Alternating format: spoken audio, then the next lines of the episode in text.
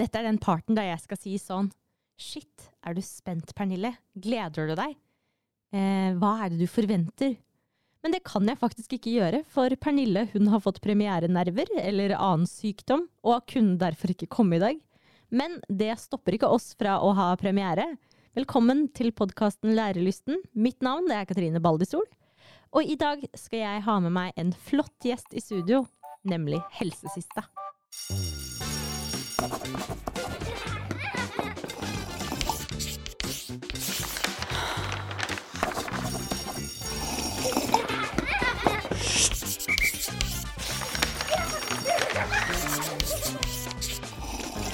Identitet, forelskelse og seksualitet er store ord som har tatt mer og mer plass i den moderne verden. Det er kanskje ikke så rart når uttrykk som 'du må være deg' for alle andre er opptatt, står skrevet på kopper og pynteputer i de tusen hjem. Jeget har blitt sterkere enn vi-et, og alle skal få lov til å elske hvem de vil og uttrykke sin person slik som ønsket. Men når skolene oppfordrer til deltakelse i pride, er det faktisk stor bekymring fra enkelte foreldre over kjønnsforvirrende undervisning. Undervisning som utfordrer tradisjonelle forståelser av kjønn og seksualitet, og mente at dette her bare ville forvirre barna. Men hvordan skal vi skape en inkluderende undervisning for alle? Få alle til å føle seg ivaretatt, i tillegg til å respektere religion og kulturforskjeller. Og i studio i dag, i tillegg til meg, Katrine Baldesol, har vi med oss gjest og helsesøster Tale Maria Krohn Engvik, bedre kjent som Helsesiste. Velkommen til deg, Tale. Tusen takk. Kan ikke du starte med å fortelle meg litt om hele starten på Helsesista på Snapchat? Hvordan kom du på denne ideen? Jeg var helsesøster på fire videregående skoler i Oslo. Og så var det en dag jeg kom på jobb, og så hang det en lapp på døra mi der det sto 'Helsesøster er det hver gang det er fullmåne og rektor halter'. Ja. Et eller annet sånt. og um, da tenkte jeg nå har det vært noen her når jeg ikke var på jobb. For det hadde, jeg husker ikke om jeg hadde, at barna mine var syke, eller at jeg hadde i hvert fall ikke vært der. Uh, og så tenkte jeg nå er det noen som tenker at jeg gjør en skikkelig dårlig jobb. I tillegg så var jeg jo eh, mellom fire skoler, og det var sånn jeg var jeg var en halv dag på én skole, så var jeg en og en halv dag på en annen skole. Og så var jeg én dag på én skole, og så var jeg to dager på én skole. Så det var jo var jo ikke rart at de ikke visste når jeg kom. Og, og, det var jo ikke noe som jeg bestemte, det var jo bydelen i Oslo som bestemte hvor ofte det skulle være helsesøster på de ulike skolene, og hvem av oss som skulle jobbe Nå heter det forresten helsesykepleier. Mm. Men hvem av oss som skulle jobbe de ulike plassene. Men, men, jeg tok det litt personlig og følte at jeg gjorde en dårlig jobb. Mm. Og så hadde jeg en svoger som um, brukte Snapchat, og som hadde gått viralt over hele verden med Snap, mm. og som nådde veldig mange. Så tenkte jeg kanskje jeg kan, kan bruke Snap for å nå bare mine elever og bare si 'husk å teste dere for klamydia'. og, og, og, tenkte hvis noen av dem velger å følge med over tid, så kanskje jeg kan gi dem tips til å bygge selvfølelse, for det var jo noe mange sleit med, mm. og fremdeles sliter med. Så det var egentlig det som var starten. Og så spurte jeg på et møte eh, på helsestasjonen sammen med de andre, andre helsesykepleierne eh, om jeg kunne få lov å starte en Snap konto og mm. bruke i jobben. Og det, jeg tror egentlig ikke sjefen min helt visste hva, hva, det var, hva jeg egentlig skulle, men de, de var i hvert fall eh, Heldigvis sa de ja, og så fikk jeg lov til det. Så det er jo sju år siden nå. Mm. Litt av ei reise, da. Eh, fra, fra, å jobbe på fire skoler til å til jeg da slutta som helsesøster på de skolene for å satse på helsesista et halvt år etterpå. Mm. Så i seks og et halvt år så har jeg bare vært helsesista og klart meg sjøl. Men det er jo ganske sykt, da, fordi du starter en Snapchat-konto med formålet om å snakke med dine elever, bare. Ja. Og det er da fire videregående skoler, så roughly et par tusen elever eh, toppen, liksom. Ja. Og så, sånn som du sier, i februar for sju år siden, så eksploderer det. Og det er ikke bare fire skoler, det er en haug med unge mennesker der ute som følger deg. Ja, og det var jo Nå er det jo skjedd en revolusjon på sosiale medier siden da. Mm. Eh, for sju år siden så var det Det var ikke så mange fagpersoner, eh, egentlig kanskje ingen, som var på sosiale medier. Så jeg var vel kanskje en av de første, Mm. Og som var en person de kunne henvende seg til på sosiale medier. Jeg opplevde sjøl at de var veldig aleine der. Mm. Så det har jo Og det er jo veldig mange eh, Det er jo også mange ja, miljøarbeidere, lærere, det er psykologer. Det er så mange fagpersoner som er på sosiale medier nå, som har sine plattformer ulike plasser eh, og formidler kunnskap. Så det har jo skjedd veldig mye på den tida. Men hva var det disse ungdommene oftest spurte deg om? Hva var temaene det gikk i, som gikk igjen? Det er veldig mye i forhold til ting som de syns er vanskelig å snakke med noen om, Mm. eller de kanskje ikke helt vet hvem de kan snakke med. Og det er ofte ting som handler om følelser. Mm. Um, følelser i forhold til seg sjøl, andre eh, Ja, eller at de har opplevd vonde ting som de, eh, som de går og strever med alene. Eller de Ja. Så det er veldig, veldig, veldig masse forskjellig, men det er, det er stort sett likt i dag også. Ja, det er det. Det har ikke endra seg noe særlig. Nei, det er Det er de samme tinga de tar opp, sånn stort sett. Det er typiske ungdomsproblemer, egentlig. Ja, Ja. det er det. Men når du startet eh, kontoen og på en måte fikk spørsmål eh, online, um, åpnet, åpnet de seg mer til deg når de fikk lov til å i, gåsetegn gjemme seg bak en skjerm, kontra når du satt og prata med dem på skolen? Altså når jeg, I starten så var det jo mine elever, eh, og jeg merka veldig tydelig den forskjellen på guttene, f.eks. For eksempel. Mm. Fordi at uh, plutselig så var det flere gutter som kom til meg på kontoret og prata med meg. Og ikke bare kom de og prata, for da hadde de kanskje sendt en snap, og så skjønte jeg her var det et eller annet mer de egentlig trengte å prate om. Og så sa jeg sånn, du skal ikke komme på kontoret en dag, og så kan vi prate litt. OK. Og da kom ikke de bare inn, men da satte de seg ned, og så begynte de kanskje å gråte med en gang. Eller vi åpna seg mye, mye mer og mye fortere enn han vanligvis enn det jeg hadde opplevd før. Mm.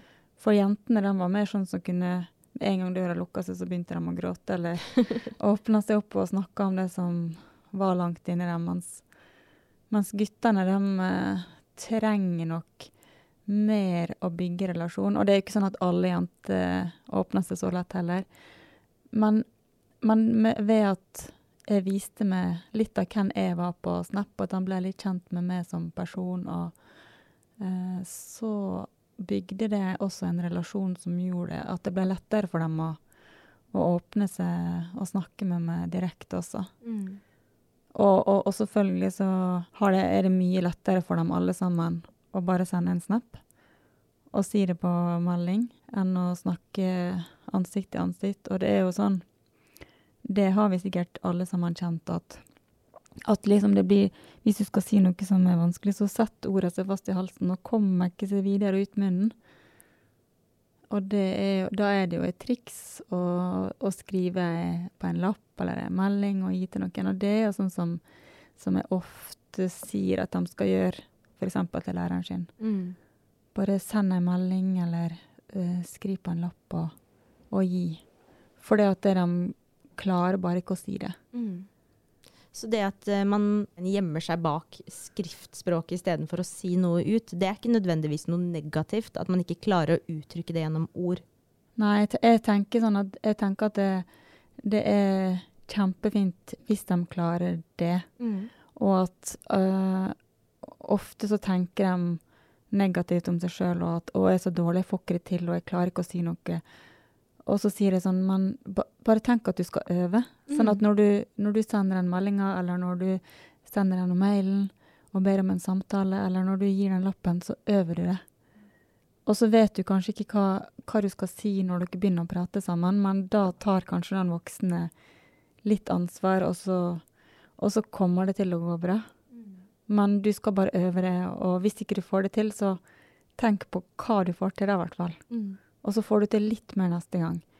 For til og med jeg som er Nå blir jeg 45 år i år, og jeg tenker fremdeles at jeg øver meg på å snakke om ting og åpne opp og være ærlig. Kommunikasjon er utrolig spennende og komplisert. Noe av det som jeg er litt nysgjerrig på, er jo dette her med at du har liksom Uh, Nå heter det helsesykepleierbakgrunn, men, men du er liksom du er helsesøster. Eh, og har liksom jobba helt tett på ungdommene. Har du hatt seksualundervisning eh, på skolene du har jobba på? Ja, det har jeg hatt. Eh, jeg har jo, før jeg jobba på videregående, så jobba jeg også på barneskole. Eh, da hadde vi pubertetsundervisning. Og så Det var jeg på femte trinn. Og så hadde vi Um, litt sånn sjuende klassesamtaler der man snakka om overgang til ungdomsskolen og kom litt inn på sånne ting. Eh, og så jobba jeg på eh, videregående der jeg også hadde eh, seksualundervisning. Eh, sånn at jeg har hatt det på skole. Og, og det er jo noe som jeg har tenkt på i ettertid.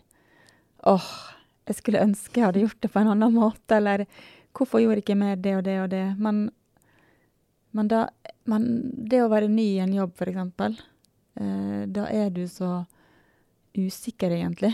Mm. Og jeg husker jeg lente meg veldig på dem som hadde jobba som helsesøster lenger enn meg, og som hadde de hadde noen, et undervisningsopplegg eller noen notater som jeg fikk lov å låne, og så eh, bare ordna jeg litt på det og ja, tok ca. det samme og gjorde ca. sånn som dem. At du, du får på en måte sånn opplæring i at sånn gjør vi det her. Mm.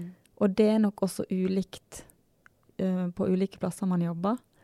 Men det tar ei stund før man finner sin egen liksom, identitet i jobben sin. Før man finner på en måte krafta og motet sitt til å kanskje sprenge gjennom og gjøre ting på en annen måte, f.eks. For Mm. For det at vi er så redd for å gjøre feil Ja. hele tida. Sånn at det, vi bare Nei, vi må gjøre det rett, sånn som det alltid har blitt gjort. Vi må bruke det skjemaet her, eller vi må bruke den powerpointen her som har blitt brukt før, eller eh, Det er i hvert fall viktig at vi snakker om eh, prevensjon og kjønnssykdommer og liksom alle risikoer.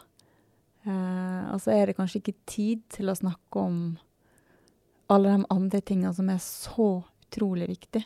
Så jeg mener jo at det, altså, det burde vært et eget fag, og ikke bare et, en time i løpet av barneskolen og i løpet av ungdomsskolen og i løpet av videregående, hvis man er heldig. Mm.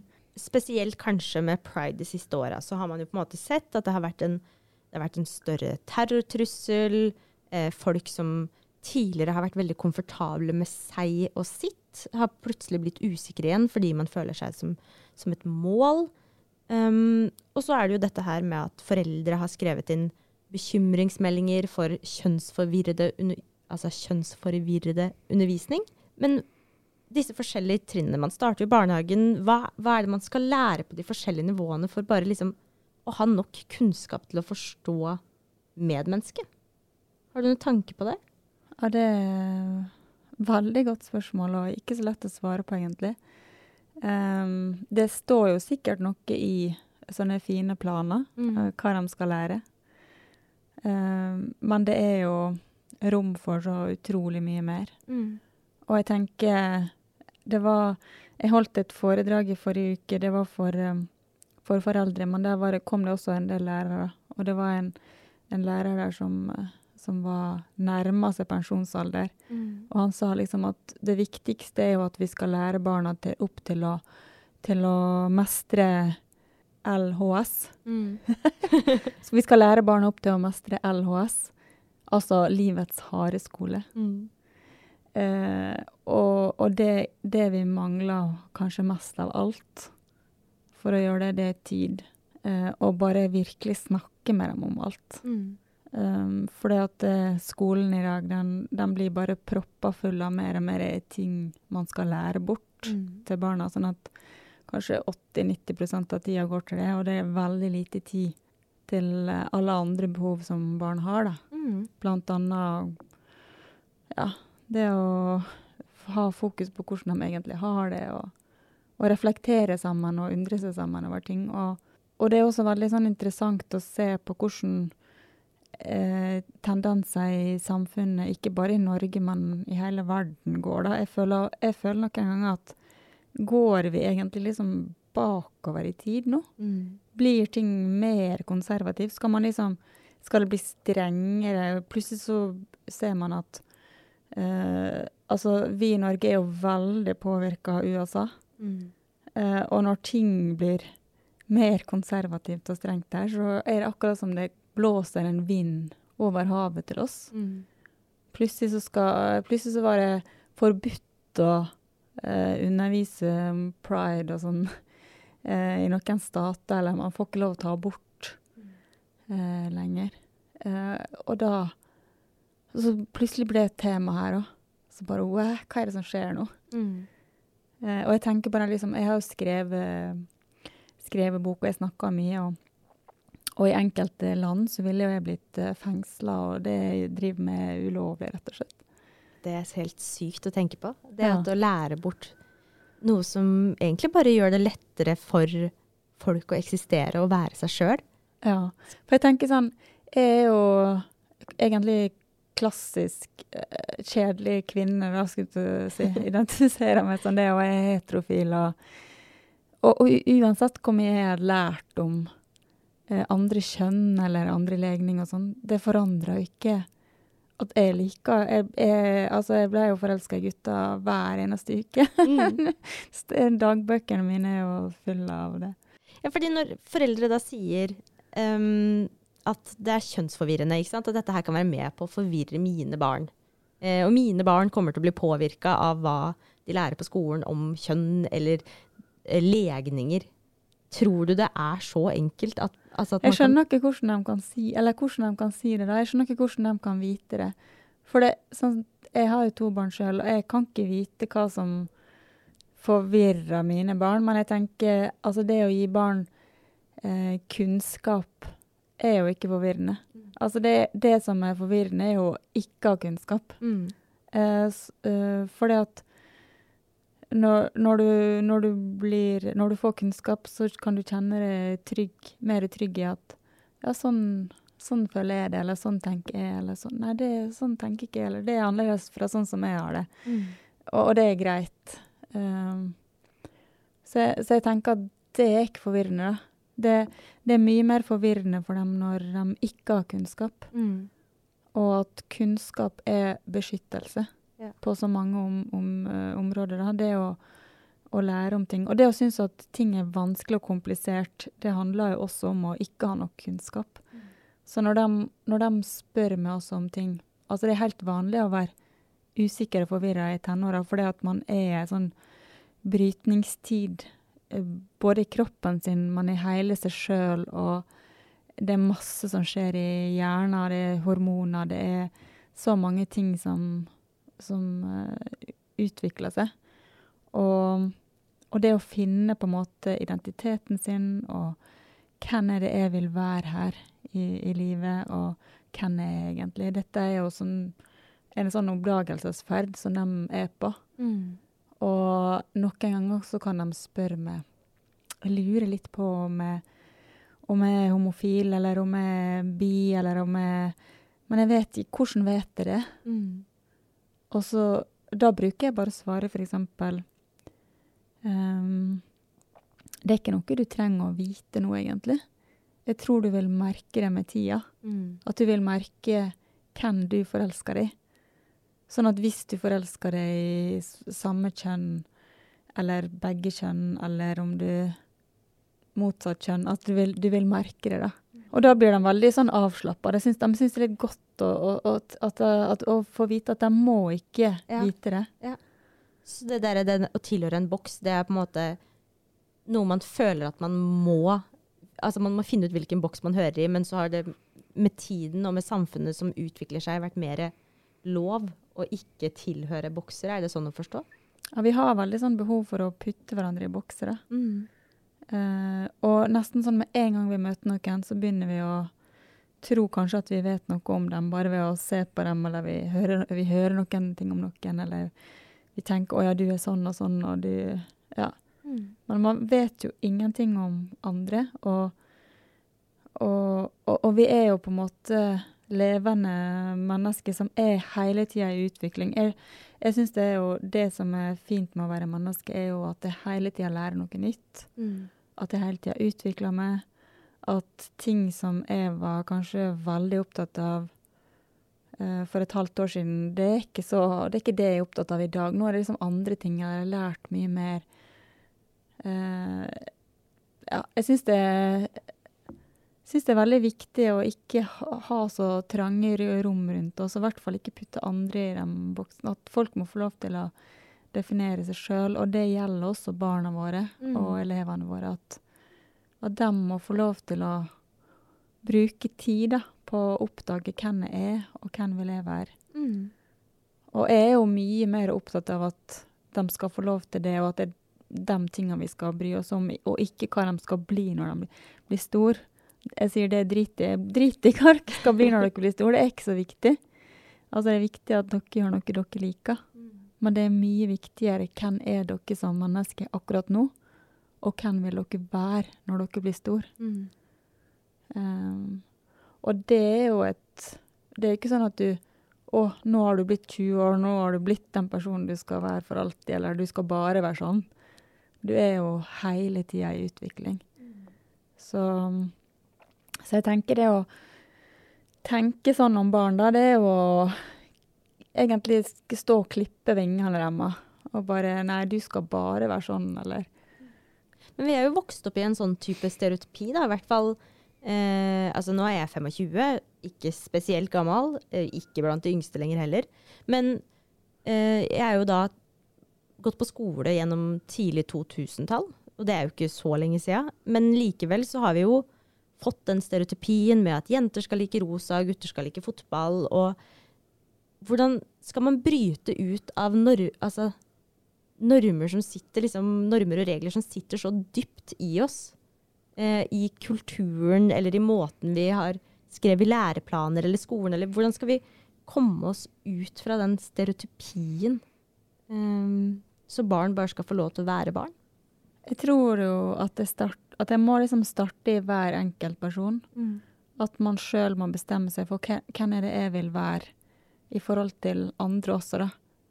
Uh, at jeg skal, uh, jeg skal akseptere folk. Uh, at ting som jeg sier, kan være med å putte folk inn i disse boksene. Hva tåler jeg egentlig av andre? Eh, hvordan kom, snakker jeg om ting, eller hvordan kommuniserer jeg om ting, som gjør at det blir et større rom eller et trangere rom for dem som jeg har rundt meg.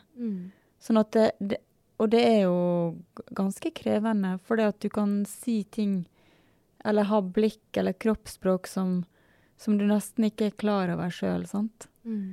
Og som kanskje er mønster som du bærer med deg fra, fra din egen oppvekst. Og uten at du liksom er bevisst på det, så er du med på å bringe det videre. Og at det kanskje ikke er noe som beveger samfunnet fremover. Sånn at det å ha et bevisst forhold til det, hvordan du ordlegger det, hva du tåler eh, Sier du sånn jenteklær eller gutteklær, eller eh, hvordan Hva sier du til barn? Det er Hva slags type Ja, det, det vi voksne har et utrolig stort ansvar og er med på å påvirke og gjør dem Styrer dem i, i retninger og gjør dem ofte veldig ufrie. Sånn at det, det er jo noen som er veldig modige og tør å bryte ut av disse mønstrene sjøl.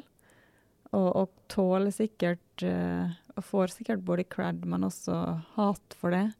At det, det er jo mye mer vanlig å, at gutter går med perlehalsbånd eller eh, eh, sminker seg, f.eks., nå enn det var før. Eh, men, eh, og det betyr ikke at de er homofile, f.eks., sånn som kanskje noen tror. Men lærere og barnehagelærere som på en måte er noen av de menneskene vi tilbringer mesteparten av tida vår med i oppveksten, med unntak av våre egne foreldre, har de et større ansvar enn resten av samfunnet? For jeg ser jo for meg at det lett kan føles sånn. Jeg tenker at vi alle sammen har et ansvar. Eh, men det er jo klart at man har et stort ansvar som barnehagelærer og lærer.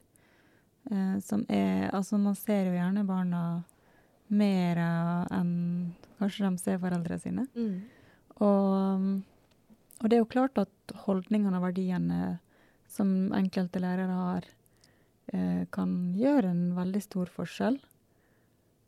Sånn at jeg tenker jo at holdningene og verdiene som du har når du skal inn i det yrket her, det, det har masse, masse, masse å si. At du Mm. kan, du kan virkelig gjøre en forskjell.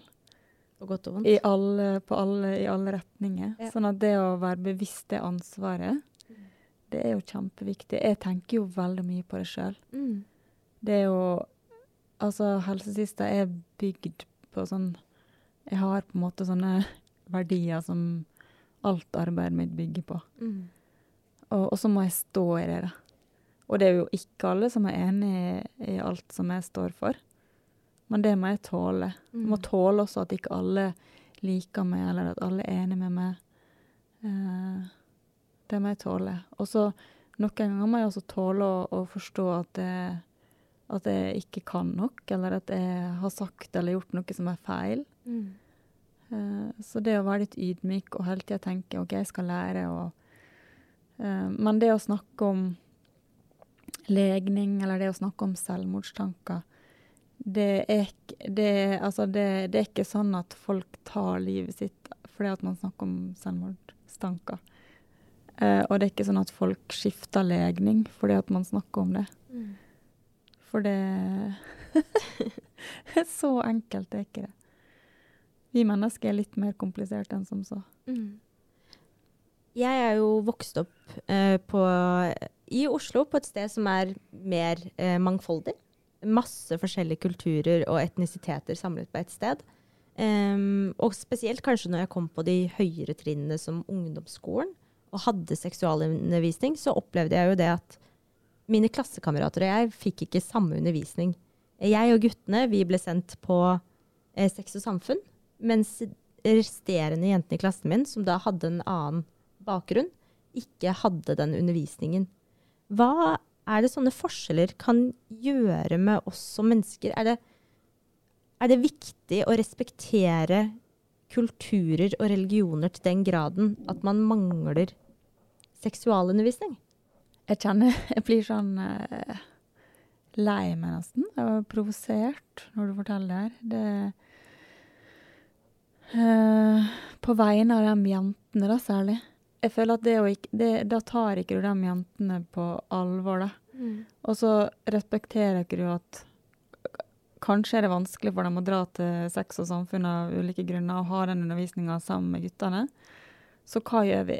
Hva gjør vi for at de skal få den utrolig viktige kunnskapen som de kanskje virkelig ikke får hjemme? For jeg aner ikke Du hadde jo kanskje til og med et forhold der du, til foreldrene dine der du kunne snakke om ting som skjedde med kroppen din og seksualiteten din med foreldrene dine. Det aner ikke, men det kan hende, sant? Mm. Uh, men det, det er ikke sikkert at de jentene har. Mm. Og, og da tenker jeg skolen så viktig. At de må få den kunnskapen, men, men at du også samtidig respekterer at OK, hvordan kan du gi den kunnskapen på en måte som kan bli fin for dem også? At det kan kjennes trygt å få den kunnskapen. Eh, kanskje at de ikke kan ha den sammen med guttene, f.eks. Eh, at man skal ha den på skolen. Jeg tenker jo at de jentene trenger jo kanskje enda mer av den undervisninga i forhold til det. Mm. Det er utrolig mange jenter som, eh, som har lite kunnskap, og som eh, Ja, noen er jo i risiko for å bli utsatt for eh, eh, kjønnslemlestelse eller eh, andre ting som eh, mange, mange, mange blir jo kanskje mindre frie jo eldre de blir. Mm. Fordi at de har, de har andre familiestrukturer som på en måte er mer kontrollerende jo eldre de blir. Eh, Men de, de trenger kunnskap om kroppen sin, de trenger kunnskap om seksualiteten sin. De trenger kunnskap om rettighetene sine. Eh, Rettigheter som, som barn, rettigheter som ungdom, rettigheter som kvinne. Eh, Sånn at det, det er masse de trenger kunnskap om. Mm. Sånn at det ah, så utrolig vondt å høre. At ikke de ble At ikke de fikk den undervisninga. Ja, eller valgte å ikke ha den pga. hjemmesituasjoner. Ja, man- Um, ja, for det vet jo man ikke, sant. Nei. Men da tenker jeg at da er det et ansvar som skolen må ta. Mm. Tror du at for seksualundervisning uh, for, Min tanke er i hvert fall at det kanskje er et litt misforstått ord. Man forbinder det med sex. Ja. Um, tror du det ligger mye misforståelser i hva seksualundervisning er i Norge denne dag i dag? Ja, det tror jeg kanskje egentlig. Ehm, det er derfor jeg skulle ønske at det var et eget fag, og, og akkurat hva det faget skulle hete, det, det, det er jeg ikke helt sikker på. Men at det har noe med helse å gjøre, det er jeg i hvert fall sikker på. Eh, for det er jo sånn, du har, du har mat og helse som man har i Jeg vet ikke hva trinn man har det på. Fjerde, sjette Et eller annet sånt. Niende, et eller annet sånt. At sånn burde det egentlig vært i forhold til sex og helse, eller kanskje, ikke, kanskje man ikke skulle hatt det ordet sex, men eh, kropp og helse, eller noe sånt. Um, for det at det som man ser, det er at det er så mye de trenger å lære, da, som uh, handler om uh, kroppen og seksualiteten og følelsene. Og det som min erfaring som helsesista er, at barn og ungdommer i Norge i dag særlig mangler kunnskap på, det er kunnskap i forhold til følelsene sine Mm. og grensene til eh, sine egne grenser og andre sine grenser. Fordi at, og, og man kan undre seg på er det pga. porno.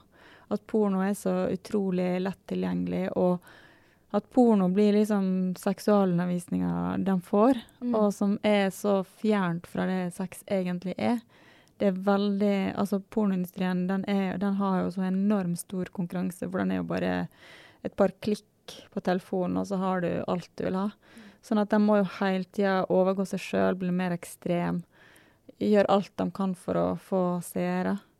Eh, så det blir jo så ekstremt, og man kan virkelig se alt. Og, og det, er, det er nok veldig mye som ligger der ute som er i hvert fall ikke frivillig og ja, helt forferdelig, egentlig. Mm.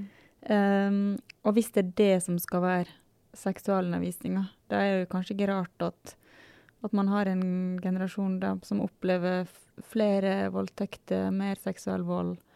Så det er jo, det er jo noe som ungdommene sjøl sier. De, de, vil, de trenger mer seksualundervisning. Eh, også snakke om rus, eh, som er en del av liksom, ruskulturen og seksualkulturen. Det er, det, er, det er masse utfordringer som de føler seg veldig alene med.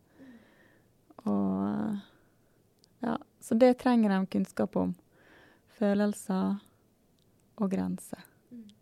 Men um, hvis man ser på lærerne, da, som har Nå har de jo fem års utdannelse.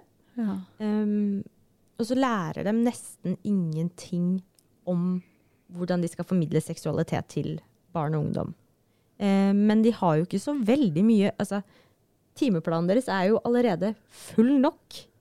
Er det lærernes ansvar å skulle fortelle barna om seksualitet, identitet, kjærlighet, eller er det noen andre sitt ansvar? Hvem er det som skal ta den biten når det allerede er så mye på læret? Jeg tenker jo at det er et ansvar som alle har. Eh, altså, det er jo egentlig et ansvar som også foreldre har. Men man kan ikke forvente at alle foreldre tar det ansvaret. Det er veldig mange grunner til at uh, Altså det er mange ting man tenker ja, men det burde foreldre snakke med barna sine om. Uh, alt fra hvordan de er mot andre, til seksualitet, til uh, Ja. Men, men det er så ulikt hva som skjer rundt omkring i de forskjellige hjem. Og, um, og jeg, jeg tenker at derfor er det viktig at skolen tar det. Men hva som er innholdet på det lærere skal lære bort, det er jo noe som, er, som, man kan, som, som jeg tenker er viktig å aldri slutte å stille spørsmålstegn med. Mm. at, vi, og at vi har en skole også i dag, en moderne skole fra 1800-tallet, som, som bare Den blir den blir egentlig bare mer og mer og mer teoretisk, med flere teoretiske timer også på de yngre klassetrinnet. Man kutta ut alle praktiske, estetiske fag og mer teori, mer teori. Hva, det, hva teori er det egentlig man fyller opp med? Mm. Hvem er det som sitter og lager på en måte eh, planene for hva lærere skal lære bort? Det er, vel, det er vel folk som egentlig elsker teori, som, som sitter i departement og sånne ting, som bare er sånne superteorinerder. Mm. Eh, sånn at det jeg, jeg, skulle ønske, jeg skulle ønske at man fikk en revolusjon i hele skolen. Og at noen ganger så burde man nesten bare brenne alle planene. Eh, altså det å altså bare tenke sånn Hva er det egentlig barna trenger å, å, å gjøre på skolen? Mm. Og lære for å få et godt liv? For det er det det handler om, egentlig. sånn. At, det, at de skal få seg At de skal lære seg eller bli i stand til å skape et godt liv der de kan fungere i samfunnet som gode mennesker. Mm. Eh, mens, mens det vi ser, er at skolen har blitt så utrolig trang at flere og flere faller utafor passer ikke inn, eller må medisineres for å klare å sitte stille på skolen og lære på den måten som departementet mener at barn skal lære. da. Mm. Mindre leking, mindre praktiske ting. Altså, det er jo helt feil. Det burde vært helt motsatt. At det dreper jo lysta eh, til barn, som barn har til å lære, liksom Små barn som går langt ned i liksom, barneskolen, de har ikke lyst på skolen. De syns ikke det er gøy. De, eh, ja, de, de kjeder seg, eller de føler at de er feil, at de ikke klarer å mestre. At det, det er så viktig at vi tenker sånn OK, egentlig så burde de lært mye mer om personlig økonomi, f.eks. Vi ser det er et kjempeproblem at flere og flere i Norge har forbrukslån, kjempestore kredittkortlån. Eh, folk har ikke lært noe om, om bare det å ha en helt normal personlig økonomi som du skal klare det med. Og det er jo liksom det det handler om også i forhold til eh, mellommenneskelige relasjoner, følelser, grenser. Eh, du skal klare Du skal liksom Du skal finne et eller annet du kan gjøre, så du får en jobb, så du får en inntekt. Men samtidig så skal du Du skal bare bli et liksom greit, bra menneske som skal klare det i livet. Det er det det, det, egentlig handler om. Ikke at alle skal bli sånn superakademikere som eh, tar liksom master på master og blir professorer og eh, det, det, er jo nesten sånn Hvorfor Hvem er det som sitter og lager skolen til å være sånn som det her? Hvorfor har ikke vi tida til de tingene som egentlig er viktige? Altså, de har ikke, ti, de, de har ikke tida til uh, Åh, oh, nei. Jeg kan uh, Men jeg hører jo at det betyr noe for deg. Men noe som jeg er litt interessert i, som du nå har nevnt et par ganger, det er ordet grensesetting. ja. Um, og det handler jo om alt fra at barn skal klare å si fra hvis noen behandler dem vondt, hvis voksne gjør noe mot dem som, ikke er, er, som er ubehagelig eller ikke er greit. Og det er jo altså, temaer som jeg vil si egentlig er litt skumle. Ja. Um, hvor tidlig skal man begynne å lære barn om grensesetting? Og kanskje bruke eller si setninger som 'hvis en voksen tar på deg på en måte du ikke liker, så må du si fra til noen du stoler på'. Fordi er ikke det også liksom Skaper man ikke kanskje problemer hos barn som de ikke hadde? Mm. Nei, jeg tenker jeg, det, det, det tenker liksom bare Det kommer an på hvordan du sier det. Du kan jo si det på en veldig skremmende måte, sånn Mm. Men uh, jeg har jo sjøl snakka med mine barn før de egentlig lå på stellebordet og brukte bleie, liksom. Men at vi prata sammen. For da var det sånn Hvem er det som har lov til å vaske tissen og rumpa di? Mm. Uh, jo, det er liksom mamma, pappa, tante og bæsj, liksom. Og, og dem i barnehagen. Eh, og så var det er, Hvis noen kommer lenge før de fikk mobiltelefon, hvis noen kommer og, og sier at, at de eh, skal ta et bilde av rumpa di eller tissen din, eller Hva sier du da, egentlig? Så bare nei, nei, da sier jeg nei. Så å, hvorfor det, da? Jo, kanskje de, kanskje de putter det på YouTube, skal dattera mi sa en gang. Og, og, da gikk hun i første klasse. Sånn at det, eh, det er jo veldig viktig å ha disse samtalene jevnlig oppover fra de går i barnehagen. Mm. Tilpassa liksom den mentale alderen de er i. Og at det Og også liksom det å lære dem eh, Å lære dem å kjenne etter i kroppen sin når noen eh, går over grensa di. For mm. når jeg traff det i dag, så, kunne, så hadde jeg kanskje For det er sånn jeg av og til sier i foredrag når jeg har eh, foredrag til ungdommer. Så kanskje så bruker jeg kanskje ei jente som sitter på første rad, da. Mm. Som ser passe trygg nok ut og tåler at, jeg, at jeg gjør det jeg må. og så sier jeg liksom Åh, når jeg så det i dag, så kanskje jeg kunne kommet bort, og så tok jeg det på skuldra, og så sa jeg åh, så fint å se det, så fint at du kom i dag. Og så kunne jeg spurt deg hvordan var det for deg egentlig at jeg tok det her på skuldra. Mm. Var det greit? Mm. Kan du svare? Ja, det var greit. Ja. OK, men hvis, hva hvis jeg kom og, og, og traff deg i dag, og så hadde jeg liksom sagt 'Å, så fint å, å, se deg i dag'. Det var skikkelig fint. Og så tok jeg det på puppen. Mm. Hvordan hadde det vært? Det hadde vært rart og ubehagelig. Ja. ja. Og det er ganske kort vei fra skuldra og bort til puppen. Mm. Og, så, og, så, kjenner du inni det at hvor stor forskjell det var hvis jeg hadde tatt det der. Der, da vet du at det er liksom noen plasser på kroppen andre personer ikke bare kan komme og ta det. Mm.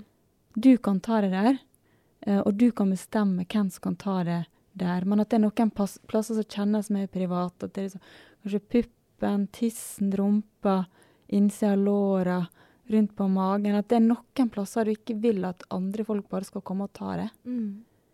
Og at det er bare du som bestemmer hvem som kan ta deg på de plassene. Mm.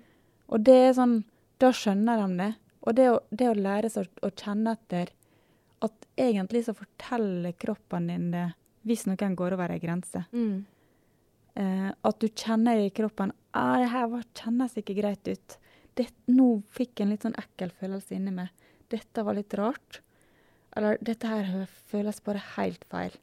Da vet du at noen har egentlig gått over ei grense. Mm.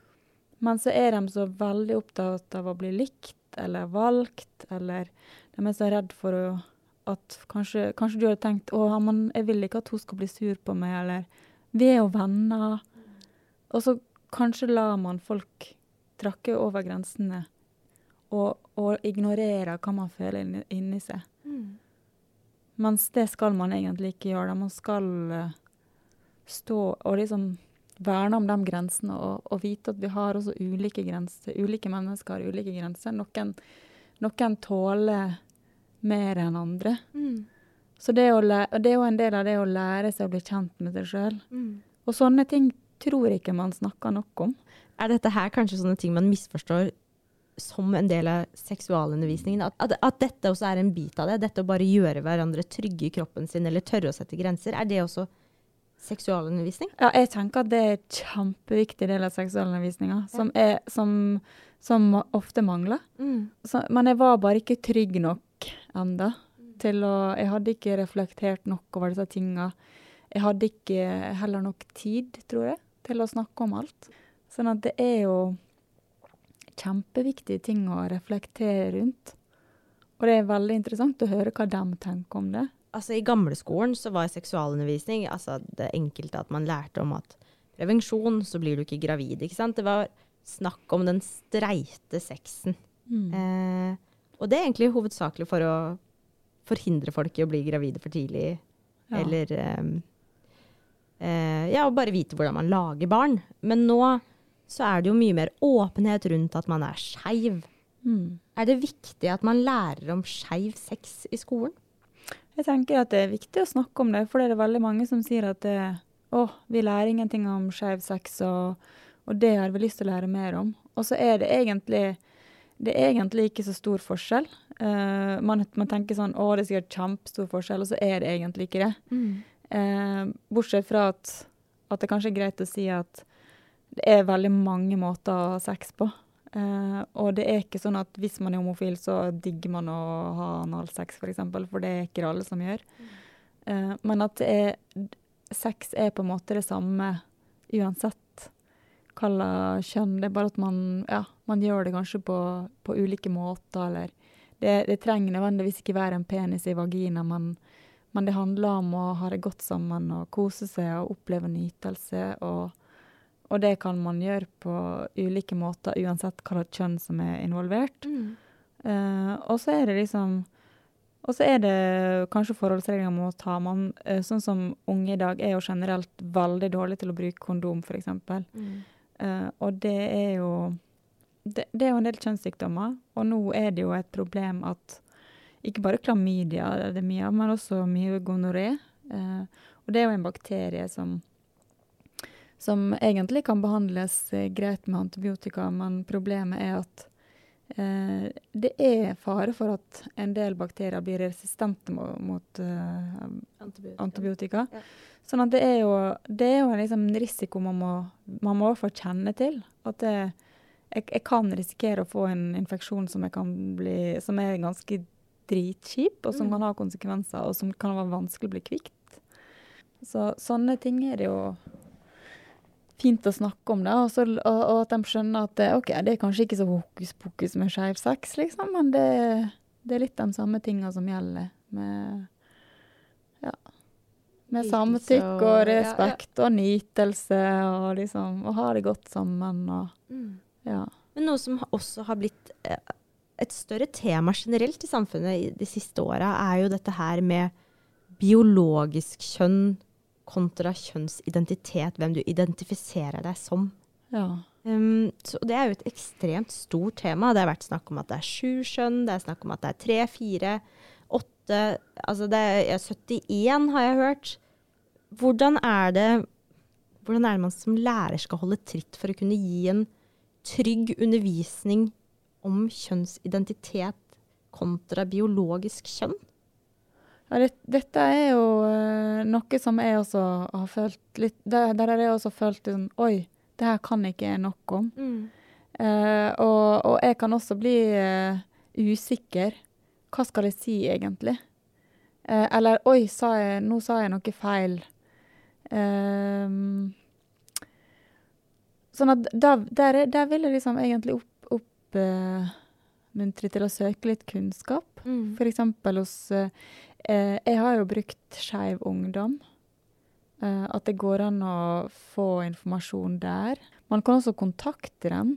Eh, man kan også få folk til å komme og hjelpe til å ha den, akkurat den undervisninga og snakke om de tinga. Og, åpne for de diskusjonene. Mm. Eh, hvis man føler at åh, hvis dette her blir en diskusjon, så har ikke jeg Føler ikke at jeg vet ikke hva jeg skal svare. Mm. Da går det an å det går an å, Man trenger ikke å kunne alt sjøl. Det går an å få med seg uh, gode lagspillere, da, som jeg bruker å kalle det. Jeg elsker jo å samarbeide med folk som er gode på det som jeg føler meg dårlig på, eller mm. som ikke jeg har nok kunnskap om. Altså, jeg heier veldig på å hente en kompetanse utenfra. Mm. At du som lærer eller Du, du trenger ikke å liksom være best på absolutt alle tema, men, men vær litt ydmyk på at det, OK, det her er Det er kanskje ikke, kanskje ikke så god på det, men det her er viktig. Uh, og, og, det å vise elevene sine respekt nok til å til å en, hente inn andre, da. Mm, og prate om det. Prate selv om man ikke om det, og så det å tåle at det kan hende at elevene også har ulike meninger, og kanskje blir det diskusjoner og sånn. tenker det er kjempeviktig. Mm. Det, jo, det, lærer de jo masse av. Så For jeg tror jo at der skolen der mange kanskje syns det er vanskelig, er jo hvis man kjenner på at man er annerledes. Er du f.eks. født jente eh, biologisk, men føler deg som en gutt? Eller er du født med at du er usikker på om du i det hele tatt identifiserer deg med noen? Der, dette er jo temaer som begynner å Man ser mer av det i samfunnet nå, men det er jo fortsatt ekstremt stort. Ja. Hvordan skal man få det inn i skolen på en forsvarlig måte? Jeg tenker jo sånn um, I hvert fall sånn som jeg tenker, at jeg møter hvert enkelt menneske med respekt for at det du skal få lov til å uh, identifisere det sånn som du sjøl vil. Mm. Sånn at hvis du uh, sier at du har et annet biologisk kjønn, men at man, uh, man presenterer det sjøl som, som kvinne, f.eks., så vil jeg møte det som det. Mm. Eh, for det, det er den respekten jeg viser det. Og jeg har ikke noe med eh, hva du velger å identifisere det som. Det, det er liksom det har, det har jeg ingenting med. Mm. Sånn at da bare forholder jeg meg til det, sånn som du presenterer det sjøl. Og sånn tenker jeg at lærere kan møte sine elever også.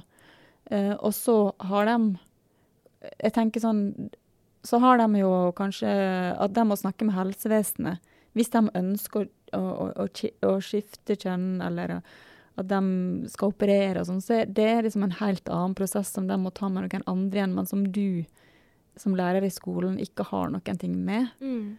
Uh, men at du skal vise respekt, tenker jeg, og bare akseptere. Og også uh, akseptere at det, det kan endre seg. Mm. Kanskje, kanskje har du en ungdom som, som i en periode i- liksom har flytende kjønnsidentitet, bare, eller kommer på skolen som ulike kjønn. Bare sånn, greit. Plutselig så er det bare jente, eller plutselig er det bare gutt, eller så, eller så bytter det ut.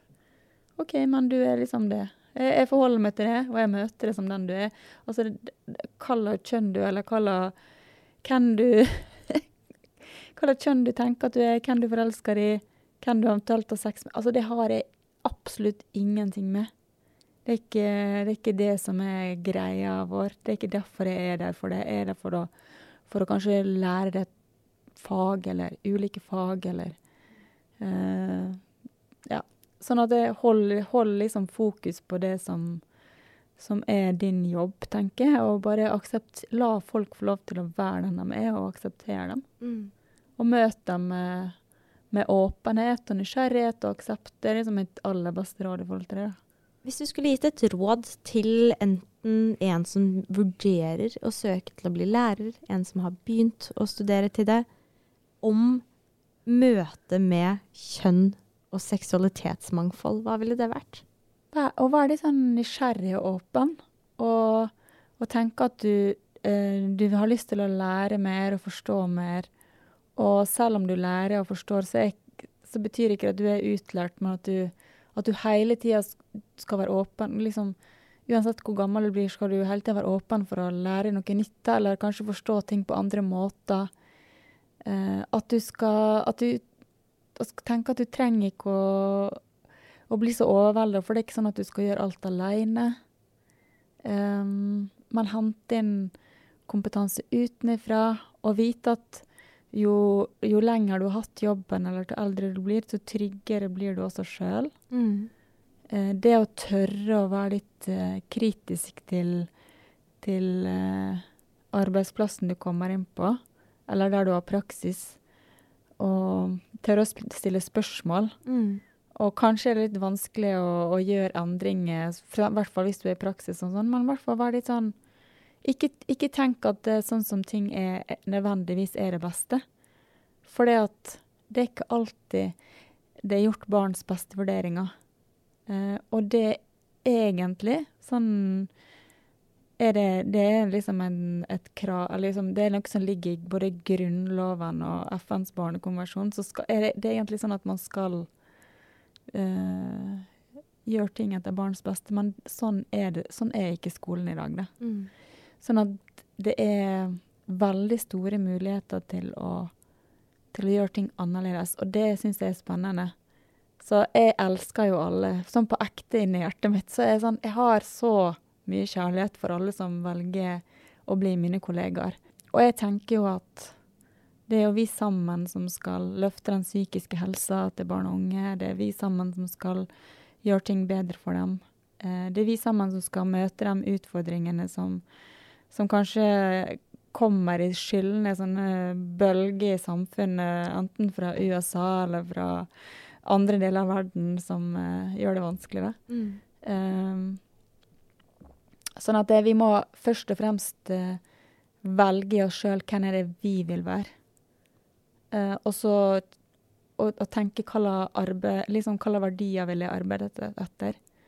Og det å velge å prøve å møte hvert enkelt barn eh, og se det som det er, og prøve å tilrettelegge og tenke at min jobb er at det barnet skal ha det godt og trives her på skolen. Mm. Jeg skal en, jeg skal være en voksen som bygger, bygger lag, eller bygger innenforskap, som jeg kaller det. I, som er det motsatte av utenforskap. Sånn at det, man har eh, Og sånn seksualitet, identitet, det, har, det, har, det er kjempeviktig. Men det er like viktig som alle de andre tinga. Så det å være Det å på en måte være sterk i seg sjøl, men samtidig huske at du skal være en del av et lag. Å finne de gode lagspillerne dine uh, på veien, det er viktig. Veldig fint. Tusen takk for at du kom, Tale. Også bedre kjent som Helsesista. Eh, helt til slutt, eh, driver du fortsatt og svarer på meldinger på Snapchat? Ja, jeg gjør det. Ja. Når jeg har litt eh, ekstra tidoverskudd, så, så gjør jeg det. Syns det er veldig fint.